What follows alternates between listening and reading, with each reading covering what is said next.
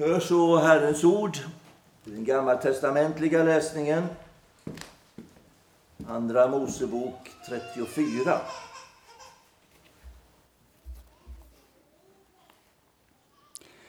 När Mose sedan kom ner från Sina i berg och hade med sig vittnesbördets båda tavlor på vägen ner visste han inte att hans ansiktes hy strålade efter att han hade talat med Herren. Aron och alla Israels barn såg Mose och se, hans ansiktes hy strålade, och de var rädda för att komma nära honom. Men Mose ropade till dem. Då vände Aron och församlingens alla hövdingar tillbaka till honom, och Mose talade till dem. Sedan kom alla Israels barn fram till honom, och han gav dem alla de bud som Herren hade sagt honom på Sina i berg. När Mose hade talat färdigt till dem hängde han en slöja för ansiktet. Varje gång som Mose trädde fram inför Herrens ansikte för att tala med honom tog han av sig slöjan tills han gick ut igen.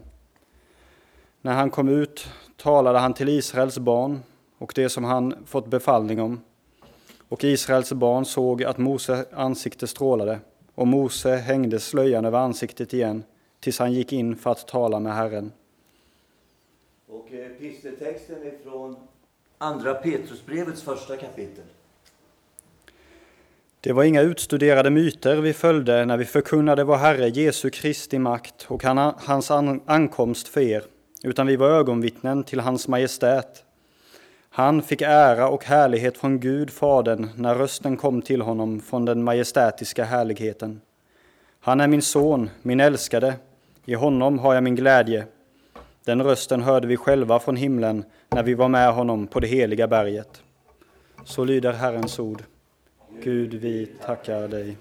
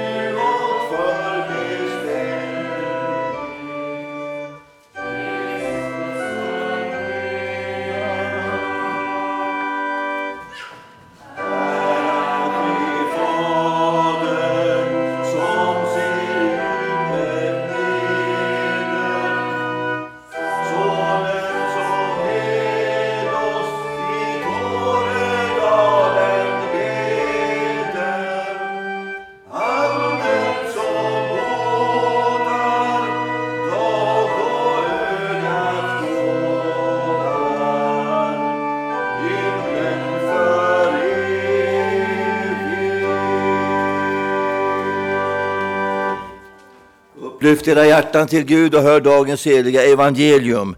Så skriver evangelisten Sankt Matteus.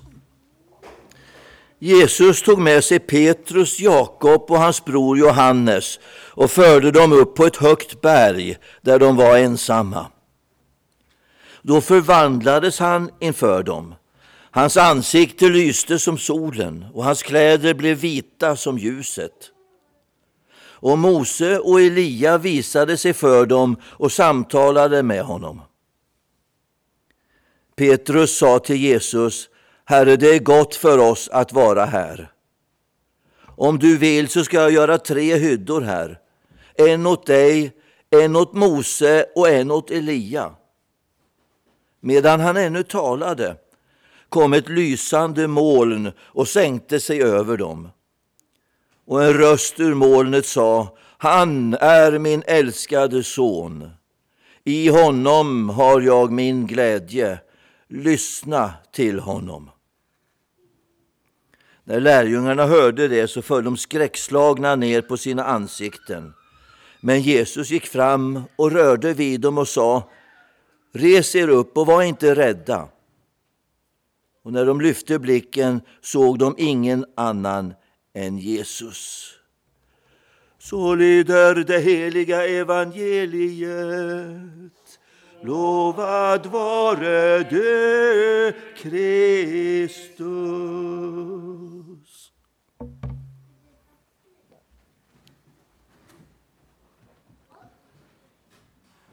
Den här eh, texten läses ju alla årgångar. Så att den har vi lyssnat till många gånger tidigare. Och jag har en känsla av att predikningarna går åt samma håll ungefär i alla fall, borde göra. Så jag har valt att ta den alternativa predikotexten. Och den är hämtad från Johannes evangeliets 17 kapitel. Och församlingen må förbli sittande om den önskar så. Men det läser vi alltså från Johannes 17, vers 1 och följande. Jesus lyfte blicken mot himlen och bad. Far, stunden har kommit. Förhärliga din son så att sonen kan förhärliga dig. Du har gett honom makt över alla människor för att han ska ge evigt liv åt alla dem som du har gett honom. Och detta är det eviga livet, att de känner dig, den enda sanne guden och den som du har sänt, Jesus Kristus. Jag har förhärligat dig på jorden genom att fullborda det verk som du gav mig att utföra. Far, förhärliga nu mig med den härlighet som jag hade hos dig innan världen var till. Jag har uppenbarat ditt namn för de människor som du tog ut ur världen och gav till mig. De var dina och du gav dem till mig och de har hållit fast vid ditt ord. Nu har de förstått att allt som du gett mig kommer från dig, för jag har gett dem det ord som du gav mig. De har tagit emot dem och verkligen förstått att jag har utgått från dig och de tror att du har sänt mig. Det är alltså ifrån Johannes evangeliets 17 kapitel som är det som kallas, inledningen i alla fall, på det som kallas Jesu översteprästerliga förbön.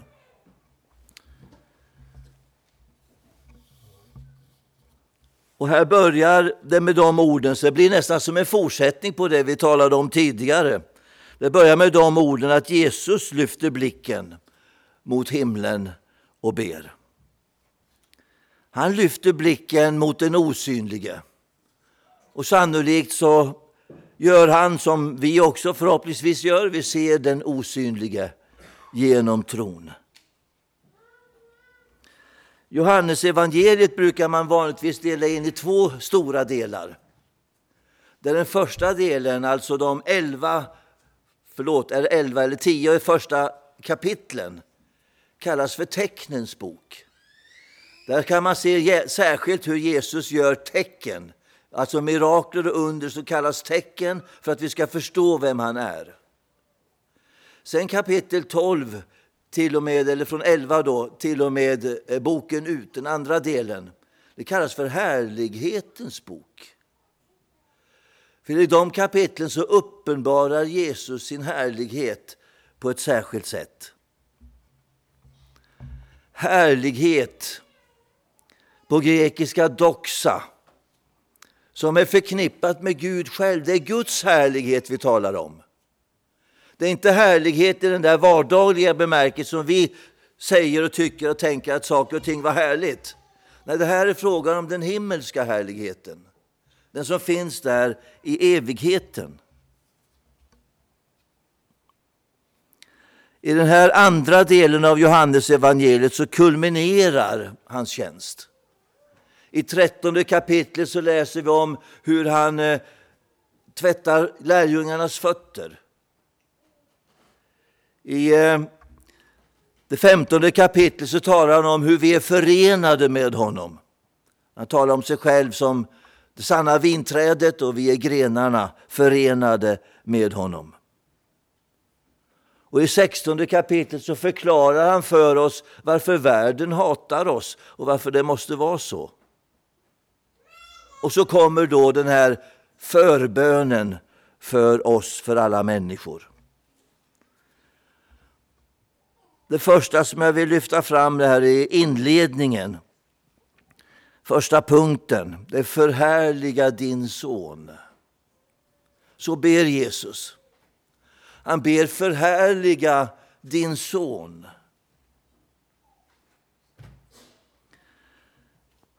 Den där härligheten den hade Jesus innan han blev människan, innan han antog mänsklig gestalt.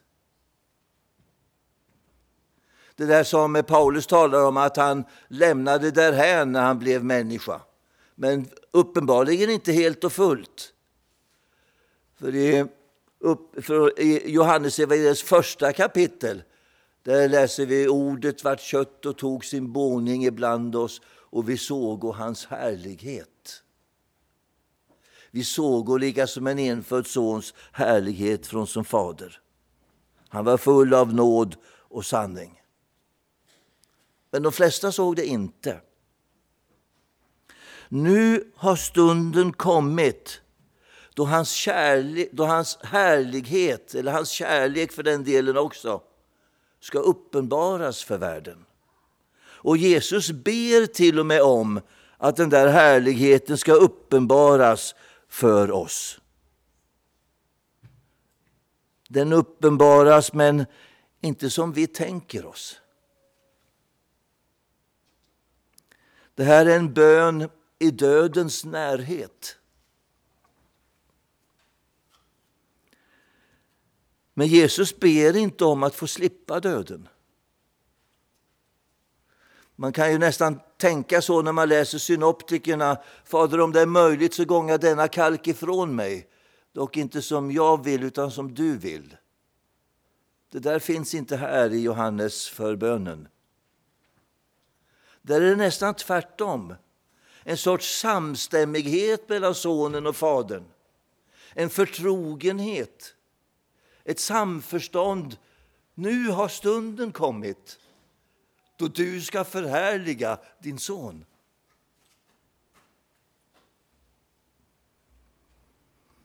I eh, Filipperbrevets andra kapitel, det som kallas för Kristushymnen, där återger Paulus just en urkristen hymn. Och där beskrivs lidandet som han nu går in i närmast som en förnedring. Där är en annan tongång.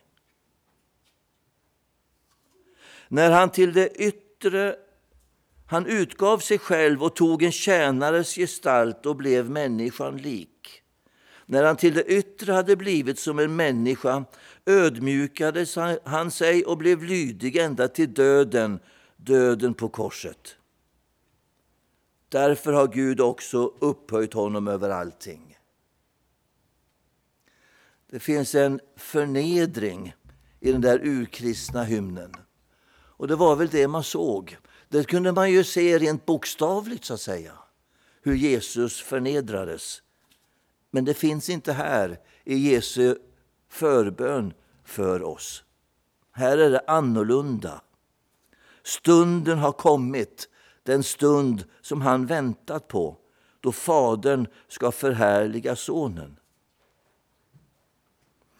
Det där med att Fadern förhärligar Sonen, det sker på så sätt att han inte bara lider och dör utan också uppväcks ifrån de döda. Vi måste hålla samman det. Den där uppväckelsen, Faderns verk med den döende sonen, att han uppväcker från de döda, det är där förhärligandet sker. Förhärligandet är inte bara uppståndelsen utan det är lidandet, döden, uppståndelsen. Jag skulle nog vilja lägga till himmelsfärden också. Hela den processen kan bara Gud Fader själv utföra. Det är förhärligandet utav Sonen. Den härlighet som han hade ifrån begynnelsen. Det står ju också i texten om ni la märke till det. Far, förhärliga nu mig med den härlighet som jag hade hos dig innan världen var till. Nu är stunden när han ska iklädas den härligheten på nytt. Det som sker på Kristi, det vi kallar Kristi förklaringsdag, det är väl snarast ett, eh, ett prov, en försmak av Guds härlighet.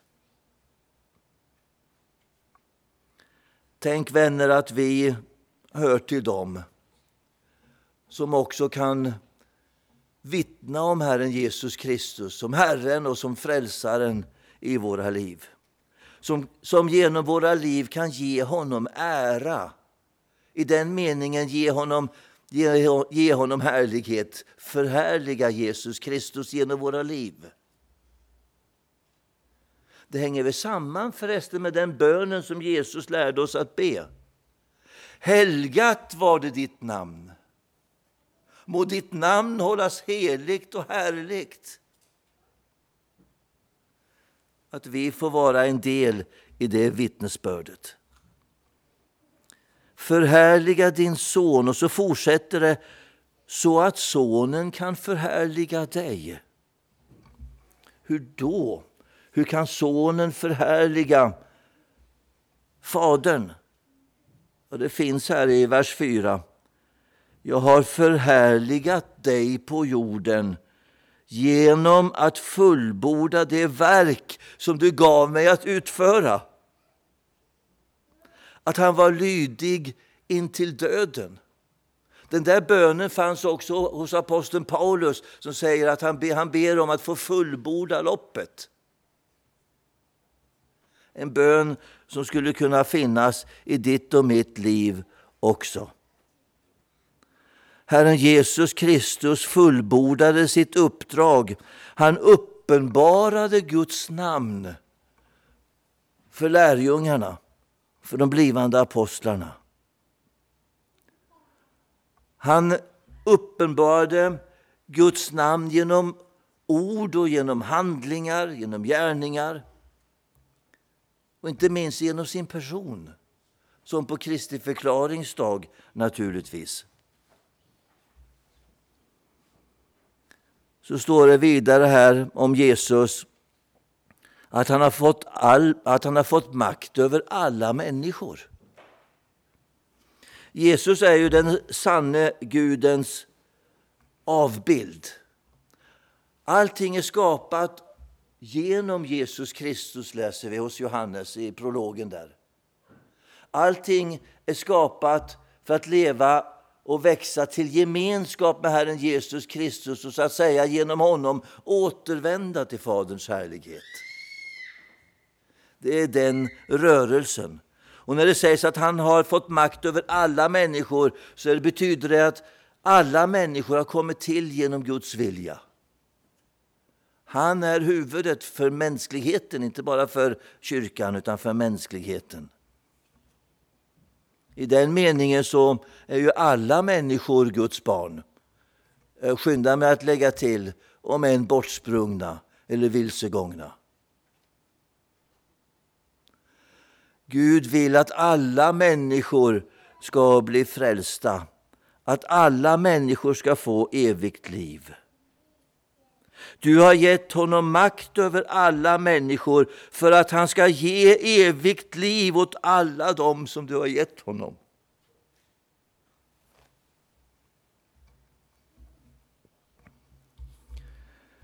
Det kallas för eh, hans objektiva verk.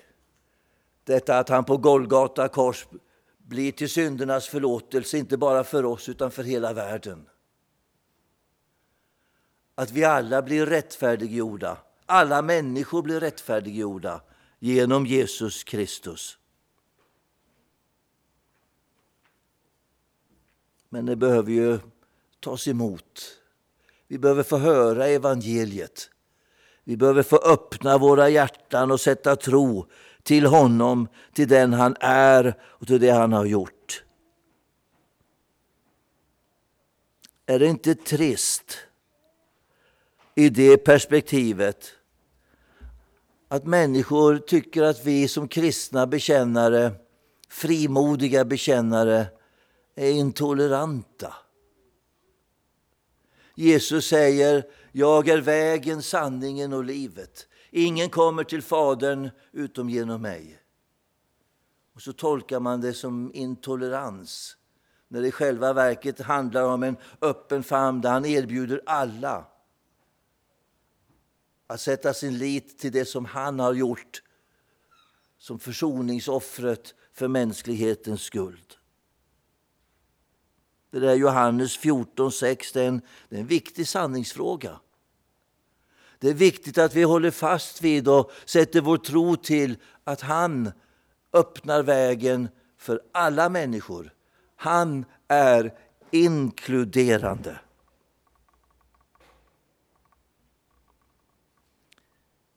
Vi hör till de utvalda. Vi har tagits som har tagits ut ur världen. Vi får del av Guds härlighet, av syndernas förlåtelse, evigt liv och salighet genom dopet och genom tron. Så förenas vi med honom och får del av hans härlighet. Tänk så enkelt, så ofattbart, men härligt. Det står också och det ska vi ha med. Det står också i bönen som Jesus ber, de har hållit fast vid ditt ord.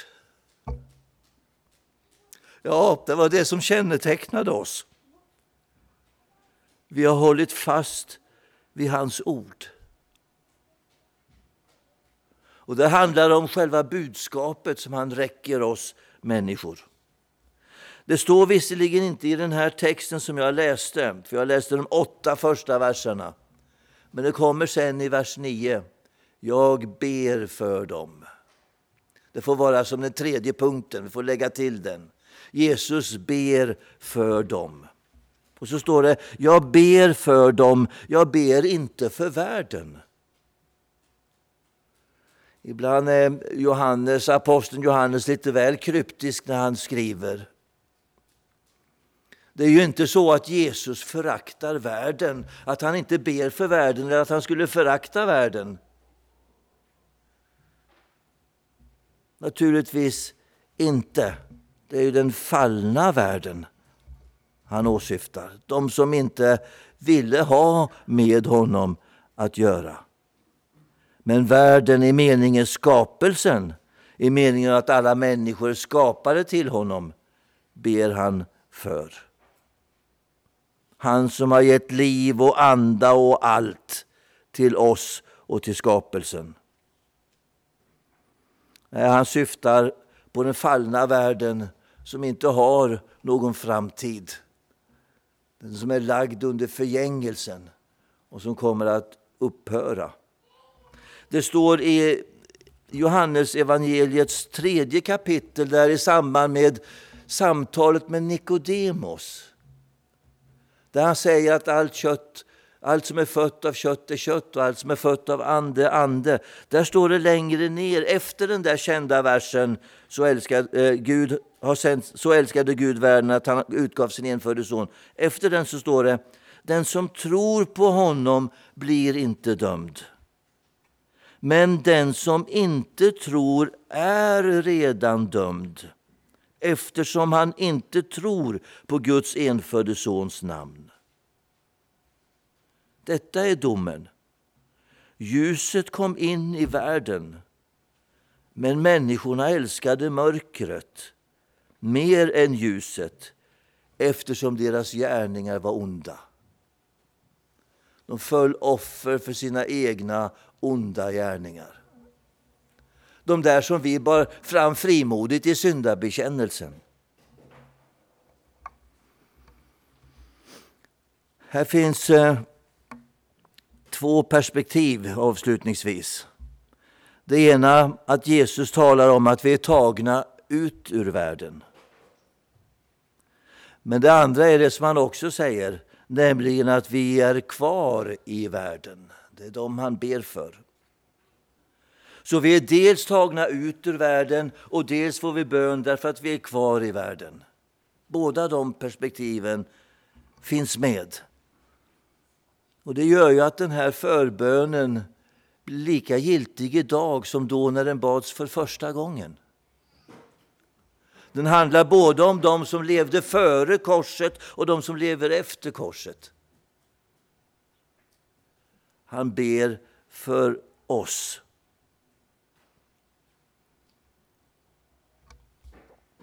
Han säger också i den avslutande versen, som jag inte heller läste, men i vers 10 då. Allt mitt är ditt och allt ditt är mitt. Jag är förhärligad i dem. Så att när Herren Jesus lämnar jordelivet så lämnar han kvar något av härligheten i dem som tror. Hos dig och mig. De första kristna fick ju som bekant lida väldigt mycket. Lida under förföljelser. Men just det där ordet kunde de trösta sig med. Jag förhärligas genom dem. De delar mitt lidande, de ska också dela min uppståndelse. Och så blir Kristusmönstret, som det kallas. För så kallas det, det som Jesus gjorde. Hans lidande, hans död, hans uppståndelse och himmelsfärd. Det bildar ett mönster som är tillämpligt också på hans kropp på jorden, på hans kyrka och hans församling och i ditt och mitt liv.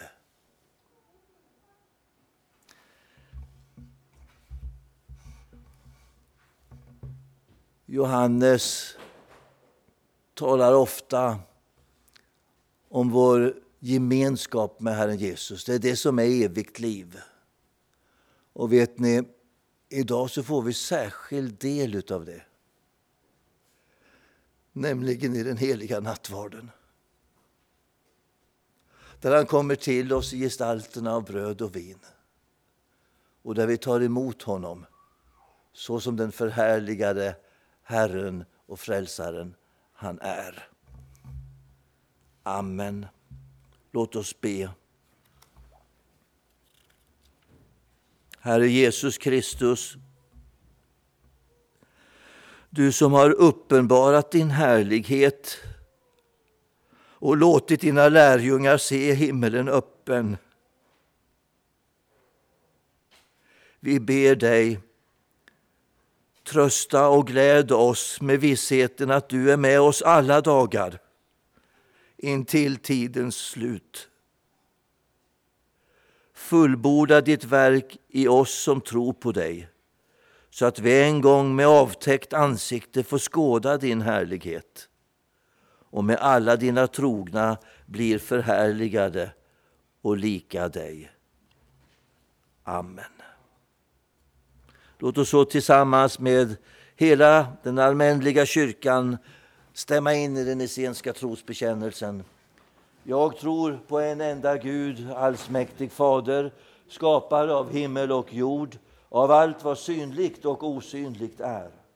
och på en enda Herre, Jesus Kristus, Guds enfödde Son, född av Fadern före all tid, Gud av Gud, ljus av ljus, sann Gud av sann Gud, född och icke skapad, av samma väsen som Fadern, på honom genom vilken allting är skapat, som för oss människor och för vår salighets skull har stigit ned från himmelen och tagit mandom genom den helige Ande av jungfrun Maria och blivit människa som och har blivit för oss korsfäst under Pontius Pilatus, lidit och blivit begraven som på tredje dagen har uppstått efter skrifterna och stigit upp till himmelen och sitter på Faderns högra sida därifrån igenkommande i härlighet till att döma levande och döda på vilkens rike icke ska vara någon ände och på den helige Ande, Herren och livgivaren som utgår av Fadern och Sonen på honom som tillika med Fadern och Sonen tillbedes och äras och som har talat genom profeterna och på en enda helig, allmännelig och apostolisk kyrka. Jag bekänner ett enda dop till syndernas förlåtelse och förväntar de dödas uppståndelse och den tillkommande världens liv. Amen.